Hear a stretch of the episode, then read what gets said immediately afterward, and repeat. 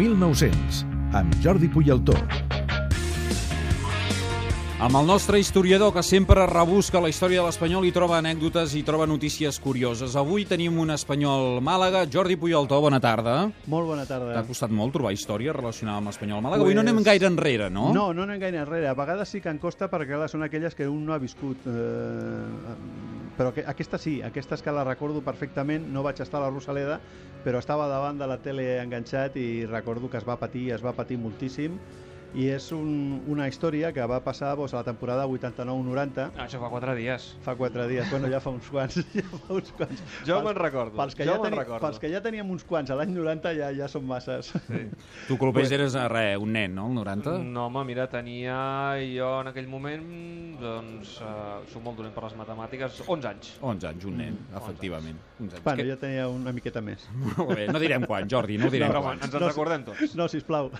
Què va passar a la Rosaleda aquell dia? Pues, a veure, l'Espanyol estava a segona divisió, i llavors perquè lamentablement la temporada anterior, la 88-89, va perdre una promoció amb el Mallorca i vam anar a segona.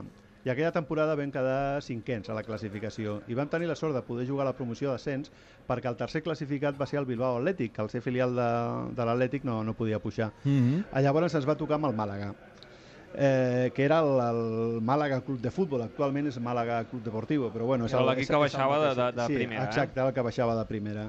Llavors es va fer el sorteig i resulta que va tocar primer jugar a Sarrià i després el 2 de juny i el de tornada el 10 de juny a la Rosaleda. Clar, hi havia certa preocupació doncs primer per jugar el segon partit fora de, fora de casa, fora de Sarrià, i perquè coincidia el Mundial d'Itàlia i l'Encono, el gran porter que teníem, pues, estava amb la selecció de Camerún. Llavors tenia que jugar el Meléndez, que tothom carinyosament li deia el Macario. Oh, aquell mm. porter amb el bigoti, eh? Sí, exacte, sí, sí, que bueno, el comparaven amb un nino de tal Soriano, em sembla que es deia, o... uh -huh. però bueno, li deien així.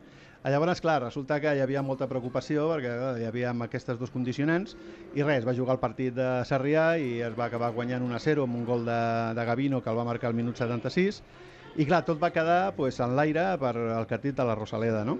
I el partit de la, la Rosaleda va jugar el 10 de juny del 90 i tots els que van viure eh, el recordarem com hem recordat 4 o 5 vegades, com el del coro de la Real Societat, eh, aquestes, aquests temes puntuals. Llavors el partit va començar i a la mitja part pues, re, anàvem 0-0 igual. El que passa, el que sempre ens passa eh, és que els àrbitres no ens afavoreixen mai i l'àrbitre era un tal Orió Velázquez que al minut 8 va deixar d'assenyalar de, de un clar penal doncs, a Eloi que hagués suposat l'1-0. Eh, al principi de la segona part, al minut 2, pues el, el Màlaga va, va empatar, va marcar l'1-0 i va empatar l'eliminatòria i donada la segona part també va haver un altre penal pel Mans a, a l'àrea de la, del Màlaga que tampoc, l'Orió Velázquez també va voler... Mans clares, eh, Jordi? Mans molt clares, molt, molt clares. clares. Eh? Jo no recordo la imatge, però no, no, que quedi clar que jo, eren jo clares. Jo recordo perquè tenia més d'11 tenia més d'11 anys i recordo que van ser dos penals claríssims, no? Llavors, afortunadament, va quedar la cosa 1-0, el Màlaga apretava molt, no va poder marcar, a la pròrroga vam acabar amb aquest 1-0 i vam anar al que sempre és molt injust, que són els penals.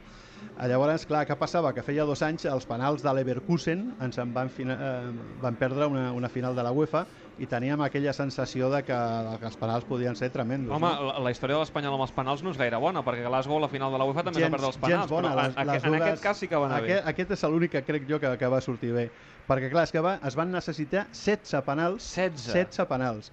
Clar, eh, van començar a tirar els penals i ja el primer el van fallar, o sigui que la sensació ja era molt dolenta. I pel Màlaga, van, a la primera tanda van marcar Antonio, Suriaga i Paquito, va fallar Ribas, i per l'Espanyol van, van marcar el Gai i l'Escaig i van fallar Zubillaga i Andrés. Això va suposar que ens posàvem 3 a 2 a favor del Màlaga quan quedava un penal per cada, per cada equip. Llavors el tirava el Màlaga i si el marcava, naturalment, el Màlaga es quedava primera i tothom pensaven que no fallaria, però la meva sorpresa és que estava davant de la tele i vaig veure que el penal el, anava, el va picar el Jaro, el porter. El porter el Jaro, ja me'n recordo, el, el porter del normalment, normalment, a part d'una eliminatòria Betis-Bilbao que vaig veure a l'Esnaola i a l'Iribar tirant penals, no he tornat a veure un, un penal per un porter. Afortunadament el va fallar i Wolfgang Butke va marcar el seu i vam quedar empatats a 3. I va començar la segona tanda aquella en la que el que falla se'n va a casa. I què va passar? Pues que van començar marcant tots. Pel Màlaga van marcar Matosas i Merino i per l'Espanyol Maestre i Martín. De tal manera que estaven empatats a 5 i llavors van aparèixer els que jo considero els herois d'aquella nit, que van ser Meléndez i Albert Alvesa. Meléndez va parar, va parar el seu, que després es va saber que Meléndez va acabar el partit amb dos dits de la mà dreta tancats, el va parar ajustat al pal dret, em sembla recordar, i l'Albert Alvesa, eh, amb tota la tranquil·litat del món, va tirar el seu, va marcar 6 a 5 i davant d'aquest Màlaga que ens visita avui doncs, l'Espanyol va, va pujar i va retornar a primera divisió. Home, doncs això ho hauríem explicat a Catalunya Ràdio. Segur, segur. Catalunya Ràdio ja existia. Sí, perquè una vegada acabat, una vegada acabat el partit eh, hi ha una emissora que efectivament va ser Catalunya Ràdio, va sí. baixar la xespa i va posar en contacte el, un dels herois, que és el Meléndez, amb Tommy Encono, que estava a Itàlia, per el que he explicat abans, i es van, es van posar en contacte i la frase, la frase que va sortir a tots els diaris, que el Meléndez li va dir a l'Encono... No la diguis, perquè no mira, no, perquè he revisat l'arxiu històric de la ràdio i la podem sí. sentir. Podem sentir Fantàstic. aquell moment, et porto aquest document que estava segur que t'agradaria, Jordi. Meravellós, escolta, escolta. meravellós. Hola, Tommy. Enhorabuena, ¿eh? Muchas gracias. Igualmente, Tommy. Ya sabes que tú estás aquí también. Bueno, muchas gracias, Carlos. Enhorabuena y da las gracias a todos los compañeros que están ahí. Aquí estás tú también porque es una fiesta del español y una fiesta del español sin ti no se puede celebrar, Tomás. Muchas gracias. Dile Un que abrazo estoy muy de parte contento. de todos tus compañeros. Vale, dile que estoy muy contento para ellos.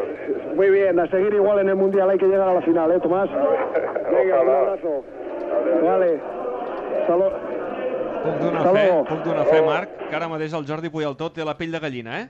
T'ho asseguro, eh? Us ho, ben, us ho ben asseguro, us ho ben asseguro que tinc la pell de gallina. És impressionant, impressionant. Moltíssimes T'ha gràcies. fet il·lusió, eh, sentir aquest I document. tant, ja ho crec, ja ho Mira, crec. que recordaves bé, doncs si nosaltres hi vam ser Sí, i vam poder sí. explicar aquella promoció d'ascens que, i, mira, eh, les coses com siguin, eh? Amb el Xavi Palau i el Josep Adolf Estrader que van fer la narració d'aquell d'aquell ascens de l'Espanyol a, a primera divisió. Pues exactament això és el que va passar. Doncs eh, aquest document avui era interessant i aquest matí hem rebuscat, hem trobat Que bo. aquella cinta de Revox, perquè això ja no està guardat digitalment, i en Clopés, que ha fet feinada aquest matí, ho ha trobat i hem dit avui sorprendrem en Jordi Puyoltó recordant tant, aquella conversa entre el Macario Meléndez i el Tomi Ancono. Per cert, acabo de penjar també al Twitter el vídeo d'aquesta famosa tanda de penals Oh, que que es bo. pot trobar també a YouTube. Doncs vinga. Uh, Ara mateix ho miro. Doncs Jordi, espero que avui el Cristian hagi d'aturar un penal amb els dits trencats a última hora per salvar els 3 punts contra el Màlaga. Tant de Esperem que bo, no sigui tant de així. bo que, que el resultat sigui una victòria i que podem aconseguir el 6 de 6. Una altra història d'aquestes curioses, 16 penals a la tanda amb el Macari o amb el Meléndez aturant aquell decisiu penal amb els ots trencats i amb aquesta conversa que passa a la història a Catalunya Ràdio amb el Meléndez i el Tomi Encono. Jordi Puyaltó, fins a la propera, moltíssimes Fins gràcies. a la propera. Moltíssimes gràcies a vosaltres. Que vagi Bona molt tarda. bé. 8 minuts i a les 4 de la tarda, d'aquí 8 minuts comença aquest Espanyol Màlaga, un Màlaga que arriba fora a l'estadi de Cornellà al Prat.